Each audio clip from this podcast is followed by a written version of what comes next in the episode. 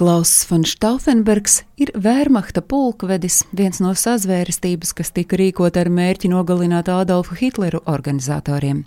Bet pasaulē viņš nāca 1907. gada 15. novembrī kā jaunākais no trim brāļiem grāfu ģimenē, kura pārstāv senu un slavenu Virtenbergu dzimtu.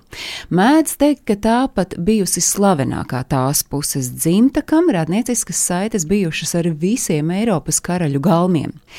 Klauss Filips Marijas Šenks grāfs von Stauffenbergs, pateicoties savai dzimtas piedarībai, varēja iegūt patiesi labu izglītību. Jau agrā bērnībā zēns aizrāvās ar literatūru, un pēcāk studējot, atklājās, ka viņš ir izcilnieks literatūrā.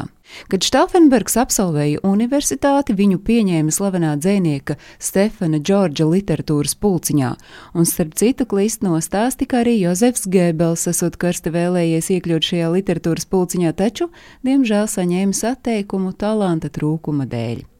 Stefana Džordža dzēja uzsvēra pašaizliedzību, varonību un varu. Tas viņam, dzējniekam, sagādāja popularitāti nacionāls sociālistu vidū, un daudzi nacisti apgalvoja, ka viņš ir ietekmīga persona. Bet, lai nu kā grāfa Stauffenberga domāšanu, arī šis dzēnieks bija ietekmējis. Štāfenbergs jaunības gados sevī bija nostiprinājis stingru pārliecību, ka viņa, kā aristokrāta galvenais uzdevums, ir aizstāvēt tautu no pārestībām. Pats gan uzsvērs, ka pārliecību viņš esot mantojis no diviem savas mammas priekštečiem, kuri savulaik atbrīvojuši Prūsiju no Napoleona karaspēka. Hitleram nākot pie varas daudzi aristokrāti stājās viņa dienestā ar mērķi sekmēt kā iekšējo, tā arī ārējo politiku, un trīs brāļi Štāfenbergi nebija izņēmums, tostarp arī Klaus. Militārā karjera tolaik aristokrātiem bija pašsaprotama lieta, turklāt Klaus no sirds atbalstīja Hitleru un viņa idejas. Sākoties karam, Klauss jau bija leitnanta statusā. Tiesa, viņu kaujā ievainoja, nācās zaudēt vienu aci un roku. Un, lai arī karošanai nederīgs, Klauss von Stauffenbergs veiksmīgi kāpa pa militārās karjeras kāpnēm. Tiesa, viņš arī pamazām saprata, ka Hitlers novedīs valsti līdz katastrofai, bet masveida ebreju slepkavības un koncentrācijas nometnes viņuprāt ir noziegums pret cilvēci. Tāpēc likumsakarīga bija grāfa nokļūšana sazvērnieku grupā, kura gatavoja atentātu pret Fīreru. Turklāt no visiem sazvērniekiem tieši Stauffenbergam bija iespēja uzturēties galvenā nacista tuvumā.